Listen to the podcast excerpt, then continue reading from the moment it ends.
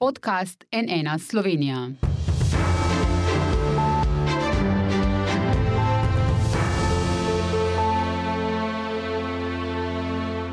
Dobar dan, to je NN studio. V svetu kulture in širše danes odmeva škandal iz Narodnega muzeja Slovenije, kjer bi morali odpreti razstavo del izjemnih slikarjev 19. in 20. stoletja, med drugim Picasa, Miroja, Degaja.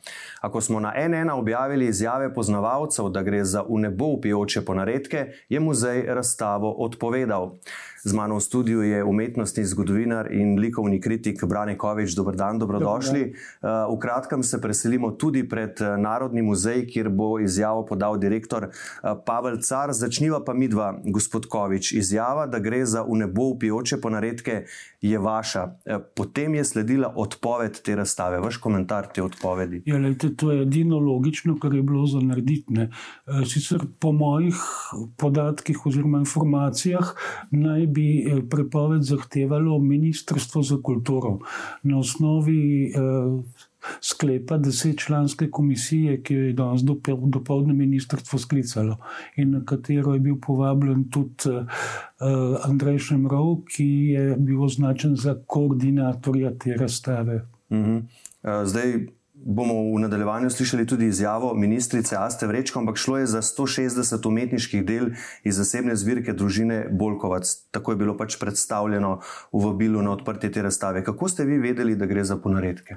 Glede, takoj, ko sem videl nekaj posnetkov iz torej reprodukcije iz kataloga, mi je bilo jasno, da to ne more biti to, za kar ponujajo, ker nekateri eh, eksponati, nekateri likovni izdelki so tako v nasprotju z slogom, z načinom dela, z ikonografijo, če hočete. Eh, Navedenih umetnikov, da niti ni treba biti eh, kakšen velik strokovnjak, dovolj je, da ste ljubitelj umetnosti, ki hodi po razstavah, po muzejih, po bienalih, trienalih, umetnostnih sejmih in dobi občutek, da je pač to tako. Ne? Mhm. Eh, kot ste že tudi sami omenili, ne, in izkazalo se je, da so za zaplet vedeli tudi na Ministrstvu za kulturo, kjer so že včeraj prejemali zaskrbljena pisma, danes pa so upravili več sestankov tudi z direktorjem Narodnega muzeja. In poglejmo, kaj je pred eno uro povedala ministrica za kulturo Asta Vrečko. Tukaj je šlo očitno za um, neko diskrecijsko pravico direktorja, ki se je odločil, da bo razstavo uvrstil v program, v letnem načrtu programa uh, um, Narodnega muzeja, ki je bil potrjen tukaj strani ministrstva, strani strokovnih uh, sodelavcev in sodelavk, pa te razstave ni bilo, bila je predlagana, ampak je bila zavrnjena. Strokovne komisije odločajo glede na podlagi um, akta o ustanovitvi, potem usmeritev strateških muzejev, kako je skladno s programom, kvalitete predlaganih projektov uh, in tako dalje. Za vse so nekako enaki objektivni uh, kriteriji in očitno ta predlagani projekt, katerega nisem videla pri javne uh, dokumentacije, uh, ampak strokovnim odločitvam tukaj popolnoma zaupam, uh, ni dosegal standardov, da bi bi bil uvrščen v uh, načrt delovanja muzeja za letošnje leto. Uh, kol, vem samo toliko, kar je bilo rečeno uh, na sestanku, uh, da ni bilo uh, seveda finančne kompenzacije za to, uh, za to razstavo. Uh, kar se tiče pa drugih uh, finančnih posledic, ki vključuje tudi uh, zavarovanje in tako naprej, bomo pa še pogledali v uh, nadaljno dokumentacijo. Če se izkaže, da so res ponaredki, da ste zahtevali odstop direktorja? O tem bomo potem govorili v nadaljnih korakih, ko pregledamo vse. No, in medtem se je v Narodnem muzeju tudi že začela izjava direktorja, zato gremo zdaj kar takoj tja. Lepo pozdravljeni. Moram povedati, da mi je iskreno žal, da je prišlo do te situacije. Za dobro Narodnega muzeja Slovenije in ohranitev njegovega dobrega imena smo se odločili, da razstave v tem trenutku ne odpremo in jo predstavljamo za nedoločen čas. Buren odziv tako splošne kot strokovne javnosti terja dodatni in bolj poglobljen premislek. Zato ocenjujemo, da čas za odprtje take razstave v tem trenutku ni primeren. Zavedamo se, da bi morali nekatere postopke speljati drugače vendar smo delali z velikim entuzijazmom in želji, da med poletno sezono, da bi ta muzej spet zaživel in da ven pripeljemo ljudi. Poglejte, Metelkova je prazna, na Metelkovo prideta dva, tri, štiri obiskovalci na dan.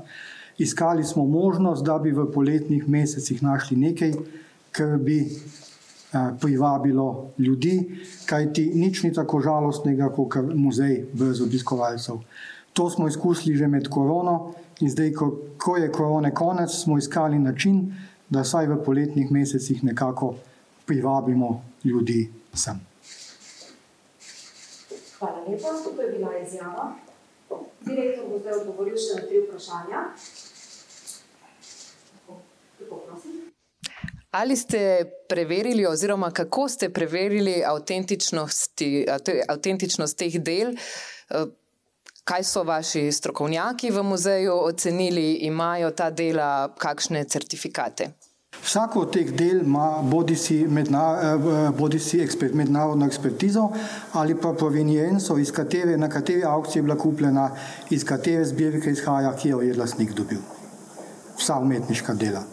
Kako pa je bilo z zavarovanjem razstave? Pričakovali bi, da so to neki ogromni zneski, recimo pri takih imenih. O zavarovanju žal ne bom govoriti, ker je bilo zavarovanje kombinirano med Narodnim muzejem in zasebnikom.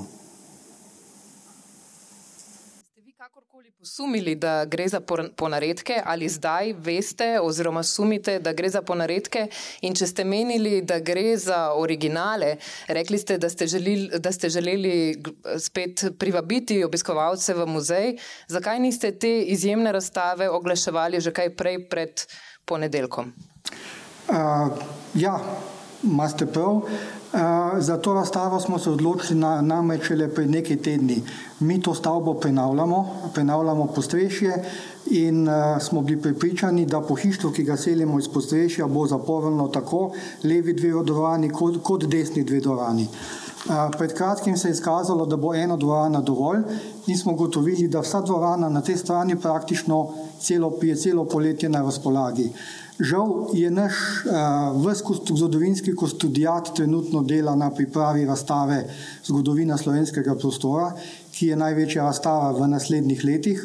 Uh, in za pripravo ene dobre razstave je potrebno kar nekaj dela. Uh, in ker se nam je ponudila možnost, da sprejmemo recimo gostujočo razstavo metnin, ki jo pripeljemo, postavimo, smo se odločili za to možnost še posebej, ker s to razstavo praktično nismo imeli povezanih nobenih stroškov. Praktično nobenih stroškov. Kupili smo nekaj zajl v vrednosti par sto evrov. Kaj kar navaja? Strokovna komisija je zavrnila stroške za razstavo. Mi smo to razstavo planirali. Uh, jeseni planirali planirali smo nekaj stroškov in stroški za to razstavo so bili zavrnjeni s strani strokovne komisije. Ali ste vi verjeli v avtentičnost te razstave? Ja, jaz verjamem v avtentičnost te razstave. Jaz sem certifikate videl, videl sem provenienco, vendar uh, se strokovna javnost, recimo ne da bi si slike sploh ogledala ali gledala certifikate, vnaprej obsodila, da so to pač ponaredki. Eh, mi, nis, mi nismo rekli, da bomo to razstavo prekinili, da, da je ne bomo nekdaj postavili, sam se bomo očitno morali slovensko javnost na tako razstavo malo bolj uh, dosledno pripraviti. Zdaj v muzeju še vedno dela, po vašem mnenju, originalna dela Picasa, Matisa, Sezana in tako naprej. Ja. So tu. So, tu. so originali. Po, po, po ekspertizah, ki, jih, ki smo jih imeli pred sabo in jih še imamo, so originali. Ki je pri vas ocenil avtentičnost teh del, oziroma se sploh odločil za to razstavo? Hvala lepa, hvala lepa za danes. Hvala. Dobro, hvala.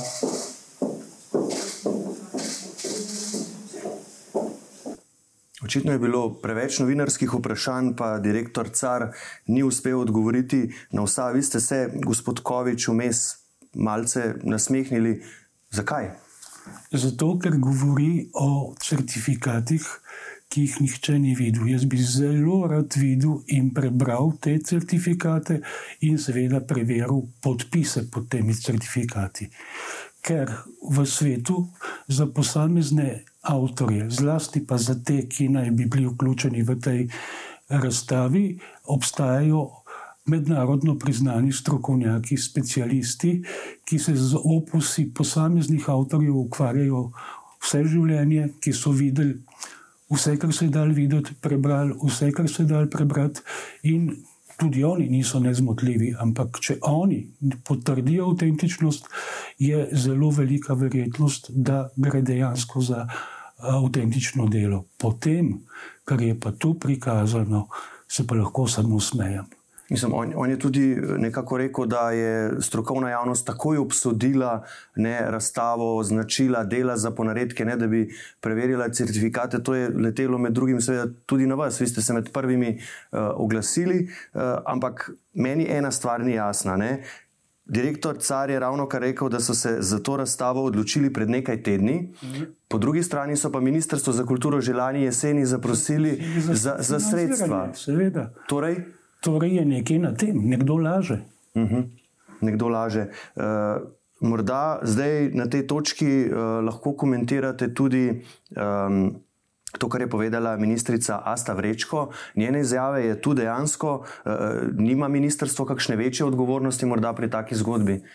Ministrstvo pose, samo po sebi ne, se so uh, kulturne inštitucije pri svojih odločitvah avtonomne. Uh, ministrstvo jih lahko samo bolj ali manj izdatno podpre finančno pri realizaciji projekta, ali pa projekte kot neustrezne ali neprimerne za financiranje oziroma sofinanciranje zavrne. Zdaj, eh, direktor Narodnega muzeja, gospod Pavel Car, je bil na svoj položaj imenovan v času prejšnje vlade Jana Zajanše, eh, je strokovnjak za računalništvo. Eh, tudi razpis za mesto direktorja so morali na neki točki malo prilagoditi, umiliti, zato da je lahko on izpolnil pogoje. Ne, kako vi gledate potem, ali je to, kar zdaj gledamo, nekakšen odraz takšnega kadrovanja, kot je pač bilo pa da ne bomo zdaj krivični, ne, ne samo v času prejšnje vlade, ampak tudi še kakšne leve vlade prej. Ja.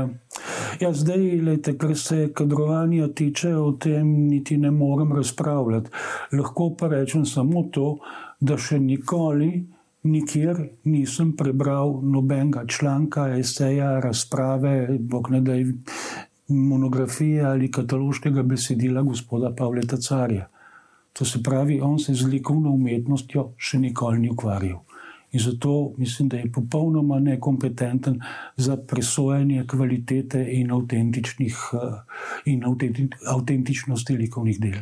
Rekli ste tudi, da bi moral odstopiti iz položaja. Mislim, da ja. Uh mhm. -huh. Ker to je taka strokovna napaka in v bistvu sramota, škandal, da bi moral prevzeti odgovornost za to, kar si je prvoščil. Ampak ne ministrica Asta Vrečko, ne direktor Pavelca nista govorila o odpovedi razstave, ampak o zamiku, o nekakšnem odlogu začetka, da je pač samo odprtje razstave zdaj zadržano. Torej, razstava sploh ni odpovedana. Ne?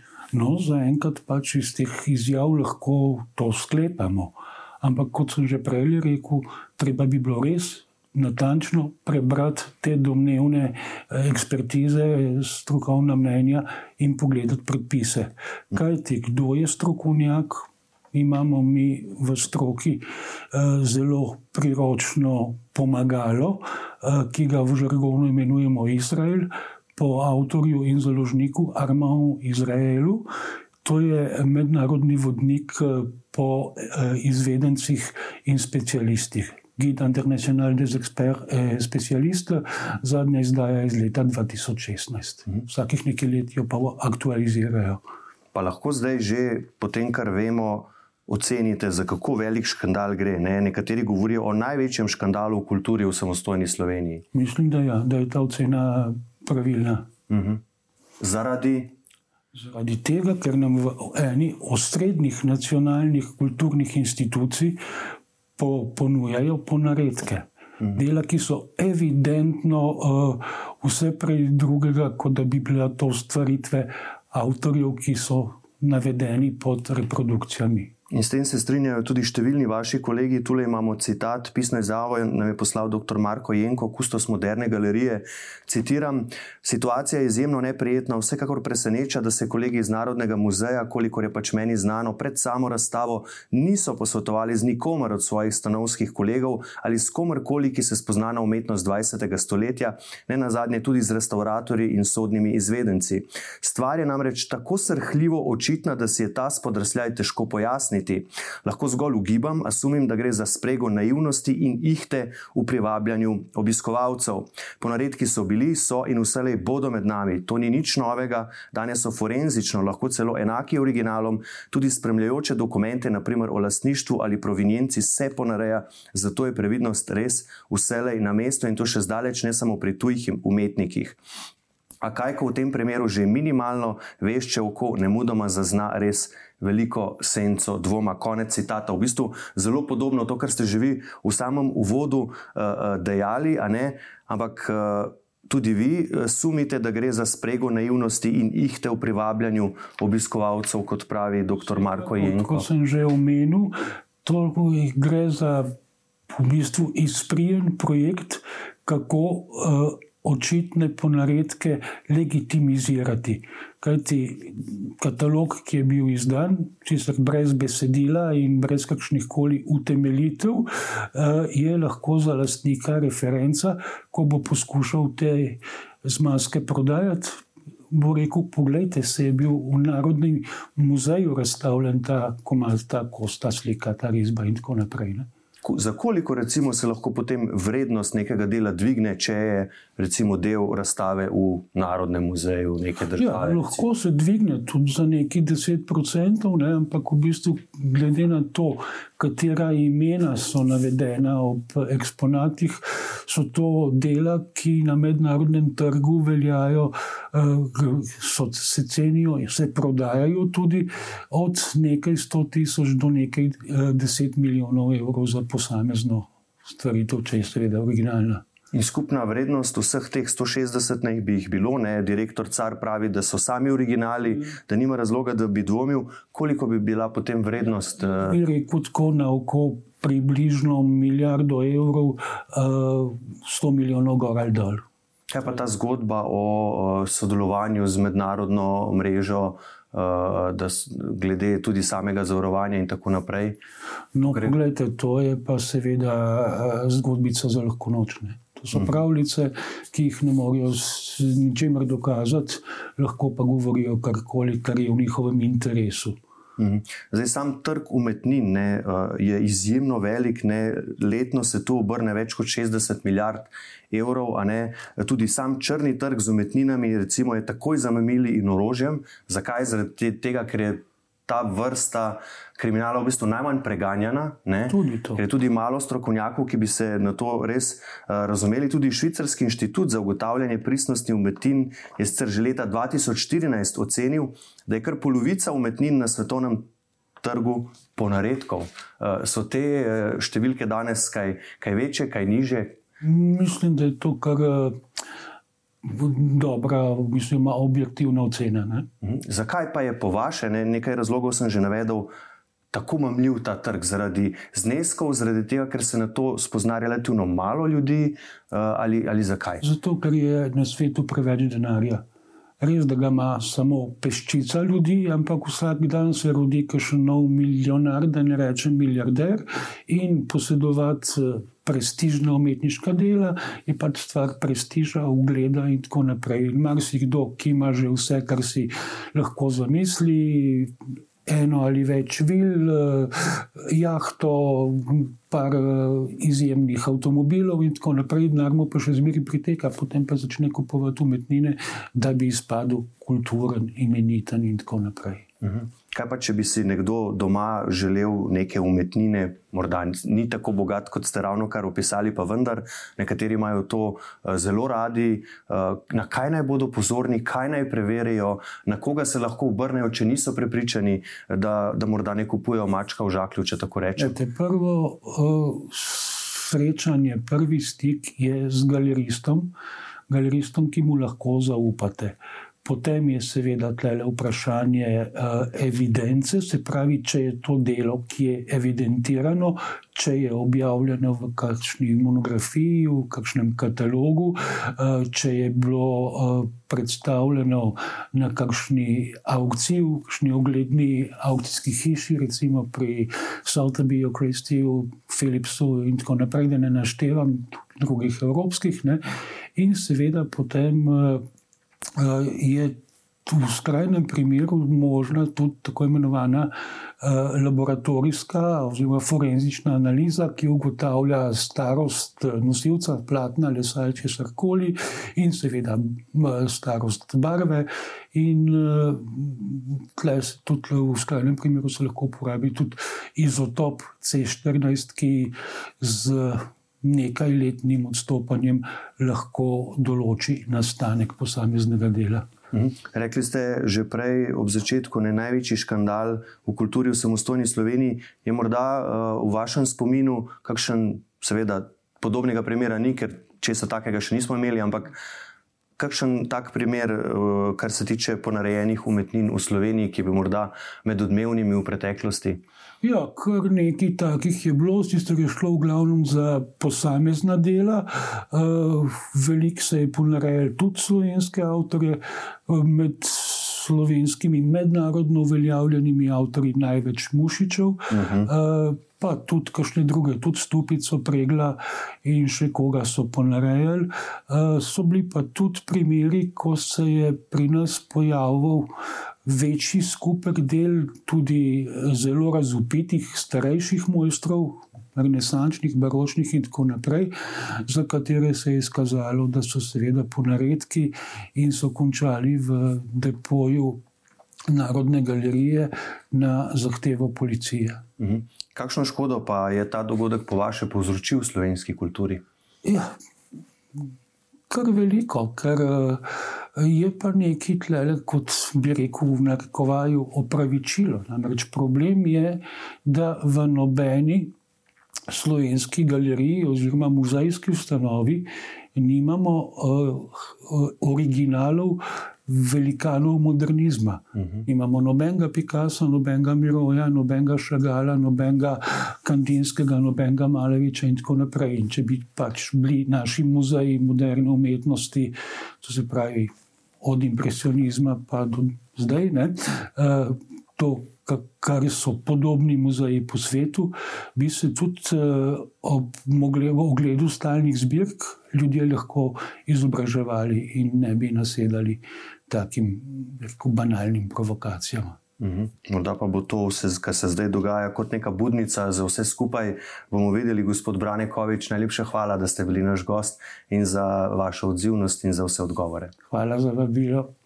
Hvala pa tudi vam za vašo pozornost, seveda zgodbo o današnji razstavi, ki je seveda ni, lahko na nnainfo.si spremljate še naprej, zbiramo prve odzive, komentarje, zato nas spremljajte iz studija pa le še lepo zdrav in nasvidenje.